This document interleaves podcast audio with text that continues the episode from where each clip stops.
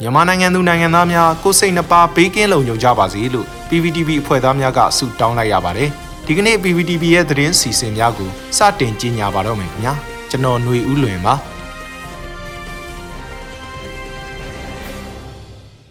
အခုပထမဆုံးအနေနဲ့ပြည်သူနဲ့ဆင်ဆက်မပြတ်စေဖို့အတွက်အမျိုးသားညီညွတ်ရေးအစိုးရက Radio NUG စတင်တော့မယ့်သတင်းကိုတင်ဆက်ပေးပါမယ်။ အမျိုးသားညီညွတ်ရေးအစိုးရကတော့ပြည်သူလူထုနဲ့အဆက်အသွယ်မပြတ်ရှိနေစေဖို့အတွက်ရည်ရွယ်ပြီး Radio NUG ကိုထုတ်လွှင့်မှုစတင်ပြင်ဆင်နေပြီဖြစ်တဲ့အကြောင်းသတင်းထုတ်ပြန်လိုက်ပါပြီ။အကြမ်းဖက်စစ်ကောင်စီကအာဏာသိမ်းပြီးပြီးချင်းအင်တာနက်လိုင်းတွေဖြတ်တောက်ခဲ့မှုတွေရှိတာကြောင့်အကြောင်းမျိုးမျိုးကြောင့်အင်တာနက်လိုင်းတွေပြတ်တောက်ခဲ့ရင်သတင်းစီးဆင်းမှုမပြတ်တောက်စေဖို့အတွက် Radio NUG ရှိနေတော့မှာဖြစ်ပါတယ်။ Radio NUG အစီအစဉ်ကိုဩဂုတ်လ20ရက်နေ့ကစပြီးမနက်၈နာရီမှတစ်ကြိမ်ည8နာရီမှတစ်ကြိမ်စမ်းသပ်ထုတ်လွှင့်သွားမှာပါ ထုတ်လွှင့်ချိန်ကိုမိနစ်30စာသတ်မှတ်ထားပြီးနှစ်ကြိမ်ရည်ရွယ်ထားတယ်လို့သိရပါတယ်လိုင်းဒိုမီတာ16 MHz 17.81မှာဖမ်းယူနားထောင်လို့ရရှိပါပြီလက်ရှိအချိန်မှာစမ်းသပ်ထုတ်လွှင့်တာဖြစ်တာမို့သက်ဆိုင်ရာတိုင်းနယ်ပြည်နယ်မြို့နယ်အလိုက်အဆင်ပြေမပြေနားထောင်ပြီးအတန်ဖမ်းယူပေးဖို့ခြင်းနဲ့ကူညီနိုင်မှာကြောင်း Radio NUG ရဲ့သတင်းထုတ်ပြန်ချက်မှာဖော်ပြထားပါတယ်နားထောင်မှုအတွက်ကတော့တန်ပန်းရေဒီယိုတွေလိုအပ်မှာဖြစ်ပါတယ်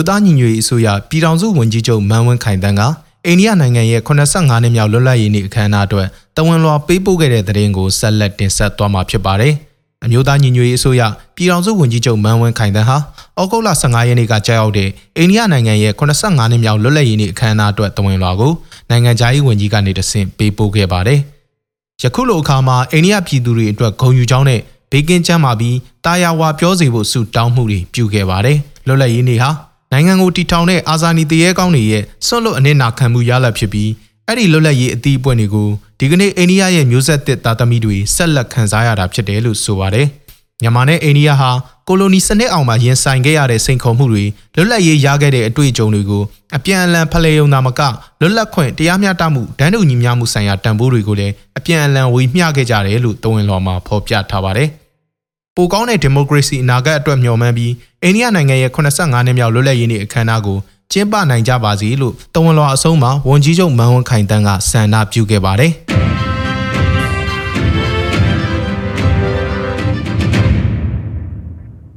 ဆလဘီကဏီမြို့နယ်မှာစစ်ကောင်စီတပ်ရဲ့အစုလိုက်အပြုံလိုက်တပ်ဖြတ်မှုတွေအကြောင်းနိုင်ငံရေးအကျဉ်းသားများကူညီစောင့်ရှောက်ရေးအဖွဲ့ AAPP ကအစည်းအဝေးခန်းစာတရက်ထုတ်ပြန်လိုက်တဲ့သတင်းကိုတင်ဆက်ပေးသွားမှာဖြစ်ပါတယ်။အကြမ်းဖက်စစ်ကောင်စီတပ်ကရည်ရွယ်ချက်ရှိရှိနဲ့ အယက်သားပြည်သူတွေအပေါ်လူမဆန်စွာပြုလုပ်နေမှုများစွာကျူးလွန်ခဲ့တာမှာ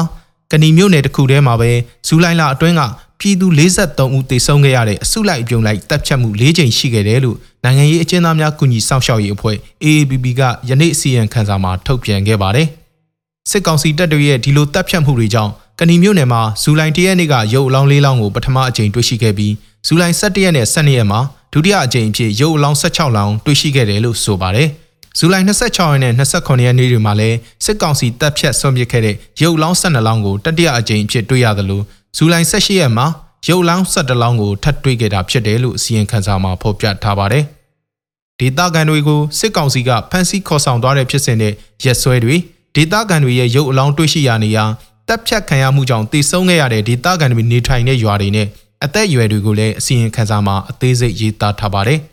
ရုပ်လောင်းတွေမှာတွေ့ရတာကစစ်ကောင်စီတပ်ကဒေသခံတွေကိုဖမ်းဆီးနှိပ်စက်ပြီးဥကောင်းကိုတနက်နဲ့တစ်ပစ်တာတွေပြင်းပြင်းထန်ထန်နှိပ်စက်ညှဉ်းပန်းခံထားရတဲ့လက္ခဏာတွေတွေ့ရပြီးမျက်နှာနဲ့လည်ပင်းတွေကိုလှီးဖြတ်နှိပ်စက်ညှဉ်းပန်းထားတဲ့ဒဏ်ရာတွေကိုပါတွေ့ရတာဖြစ်တယ်လို့ AABB ရဲ့အစီရင်ခံစာမှာပါရှိပါတယ်။ဒါအပြင်ဩဂုတ်တရက်မှာလည်းကဏီမျိုးဘော်ကစာတင်ကြောင်းအနီးမှာပြည်သူတို့ကမင်းတို့တွေကြောင့်တို့ပြည်သူတွေတရားတာလို့အော်ဟစ်ခဲ့တာကိုစာတင်ကျောင်းထဲမှာတက်ဆွဲထားတဲ့စစ်ကောင်စီတပ်ဖွဲ့ဝင်တွေကပြစ်ခတ်တပ်ဖြတ်ခဲ့တယ်လို့လည်းအစီရင်ခံစာမှာဖော်ပြထားပါတယ်။ အကြမ်းဖက်စစ်အုပ်စုရဲ့ရက်ဆက်လူမဆန်စွာကျူးလွန်မှုတွေဟာမြန်မာနိုင်ငံအနေအအနှံ့ပြားမှာနေ့စဉ်နဲ့အမျှဖြစ်ပေါ်နေပြီးကဏီမြို့နယ်ဖြစ်စဉ်များဟာတိကျတဲ့တပ်တွေအထောက်ထားတွေနဲ့ပေါ်ပေါက်လာရတာဖြစ်တယ်လို့ AABB ကထုတ်ပြန်ထားပါတယ်။ဒီလိုဖြစ်ရပ်တွေဟာအစုလိုက်ပြုံလိုက်တပ်ဖြတ်မှုအပါအဝင်လူသားမျိုးနွယ်အပေါ်ကျူးလွန်တဲ့ဆိုးဝါးရက်ဆက်တဲ့ရာဇဝတ်မှုမြောက်ပြီးမြန်မာပြည်သူလူထုတရက်လုံးရဲ့အသက်အိုးအိမ်စီစဉ်ကိုစစ်အုပ်စုကအကြီးအကျယ်ချင်းချောက်နေတာကိုတက်တည်ခန်းနေတာလို့ AABB ကဆိုပါတယ်။စစ်အုပ်စုအနေနဲ့ကျူးလွန်ခဲ့တဲ့ရာဇဝတ်မှုတွေကို တာဝန်ယူတာဝန်ခံရမယ်လို့အစီရင်ခံစာမှာဖော်ပြထားပြီး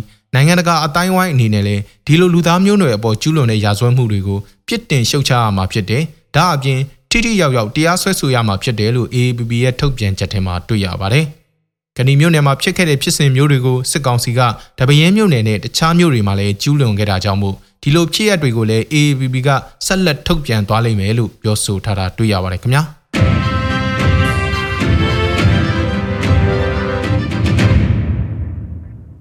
အခုနောက်ဆုံးအနေနဲ့လော်ပီတာနေပြည်တော်လိုင်းကလျှက်စစ်တာဝါတိုင်းနှစ်ခုကိုမိုင်းခွဲဖျက်ဆီးခဲ့တယ်လို့ဖဲကွန် PDF ကထုတ်ပြန်ခဲ့တဲ့သတင်းကိုတင်ဆက်ပေးပါမယ်။ရပြည်နယ်မှာရှိတဲ့လော်ပီတာလျှက်စစ်တာအပိစက်ယုံကနေနေပြည်တော်ကိုတွေ့တန်းထားတဲ့စစ်ကောင်စီတည်တံ့သောမဟာတအားလိုင်းကတာဝါတိုင်းနှစ်ခုကိုဩဂုတ်12ရက်နေ့မှာမိုင်းခွဲဖျက်ဆီးဖြိုချခဲ့တယ်လို့ဖဲကွန်မြို့နယ်ပြည်သူ့ကာကွယ်ရေးတပ်ဖွဲ့ PDF ကထုတ်ပြန်ကြေညာခဲ့ပါတယ်။ရှမ်းပြည်နယ်ဖဲကုံမြို့နယ်နဲ့ပင်လောင်းမြို့နယ်အကြားလွယ်ဟဲကျေးရွာအနီးမှာရှိတဲ့လျှက်စစ်တာဝါတိုင်းတစ်ခုကို မိုင်းခွဲဖျက်ဆီးခဲ့တာလို့ဆိုပါတယ်။လော်ပီတာမှနေပြီးတော့လော်ပီတာမှမန္တလေးသို့တွေ့တန်းထားရှိတဲ့မဟာတအားလိုင်းနှစ်ခုအနက်ပြည်သူလူထုအများသုံးဆွဲခြင်းမရှိတဲ့နေပြည်တော်စစ်ကောင်စီတည်တံ့သုံးလိုင်းကတာဝါတိုင်းကိုသာဖျက်ဆီးခဲ့တာလို့ထုတ်ပြန်ခဲ့တာပါ။အဲ့ဒီမိုင်းခွဲဖျက်ဆီးခံခဲ့ရတဲ့တာဝါတိုင်းတွေရှိရာလွယ်ဟဲကျွာဘက်ကိုစစ်ကောင်စီနဲ့ပအိုးပြည်သူစစ် PNO တပ်တွေကဩဂုတ်14ရက်နေ့မှာခြိတက်လာလို့လွယ်ဟွဲကျွာနဲ့ပင်လောင်းမြို့နယ်ပင်ပုံကျွာအကြားမှာတိုက်ပွဲတွေပြင်းထန်ခဲ့တယ်လို့ဘဲကုံ PDF ကဆိုပါတယ်။ စစ်ကောင်စီတပ်တွေဟာပင်ပုံကျေးရွာဖုန်ကြီးကျောင်းမှာတက်ဆွဲပြီးလက်နက်ကြီးတွေအဆက်မပြတ်ပစ်ခတ်ခဲ့သလိုခြေလျင်စစ်ကြောင်းနဲ့ချီတက်တာတွေလည်းရှိတယ်လို့ထုတ်ပြန်ခဲ့ပါတယ်။ဒီလိုချီတက်လာရမှာဖဲကုံ PDF တွေထောင်ထားတဲ့မိုင်းငါးလုံးအထက်မနဲ့နင်းမိလို့စစ်ကောင်စီနဲ့ PNO တပ်သားတွေအများပြားတေဆုံးဒဏ်ရာရခဲ့တယ်လို့ဖော်ပြထားပါတယ်။ PDF တပ်ဖွဲ့ဝင်2ဦးလည်းဒဏ်ရာရခဲ့တယ်လို့ဆိုပါတယ်။တိုက်ပွဲဟာဩဂုတ်15ရက်မှာဆက်လက်ဖြစ်ပွားခဲ့ပြီးတော့စစ်ကောင်စီဘက်ကတေဆုံးမှုထပ်ရှိသလို PDF ကတအူးဒဏ်ရာရတယ်လို့လည်းထုတ်ပြန်ထားပါတယ်။ လွိုင်ကော်ဘက်ကနေစစ်ရင်38စီးစစ်အင်အား400ကျော်နဲ့စစ်ကူလာတာကိုဖဲကုန်းနဲ့မိုးပြဲ PDF တွေကခြုံခိုတိုက်ခိုက်ခဲ့တာဖြစ်တယ်လို့လည်းဆိုပါတယ်။ဒီလိုစစ်ကောင်စီတပ်တွေကိုခုခံတိုက်ခိုက်ရမှာဖဲကုံ PDF နဲ့အတူဒီမောဆုံနဲ့မိုးပြဲ PDF တွေရော KNB တပ်မတော် KA KNI မြို့သားကာကွယ်ရေးတပ်ဖွဲ့ KNDF တို့ပူးပေါင်းဆောင်ရွက်ခဲ့ကြတယ်လို့ထုတ်ပြန်ထားပါတယ်။လက်ရှိချိန်မှာမိုင်းခွဲဖျက်ဆီးခံထားရတဲ့လျှက်စစ်တာဝါတိုင်းအနီးကတောင်ကုန်းတွေနဲ့လွယ်ဟွဲ့ကျွေးရွာ ပင်ပုံကျွေးရွာတွေမှာစစ်ကောင်စီကတပ်ဆွဲထားတာကြောင့်စစ်ရေးတင်းမာနေစေဖြစ်တယ်လို့ဖဲကုံ PDF ကထုတ်ပြန်ထားပါတယ်ခင်ဗျာ။ရေတော်ဘုံအောင်ရမည်ရေတော်ဘုံအောင်ရမည်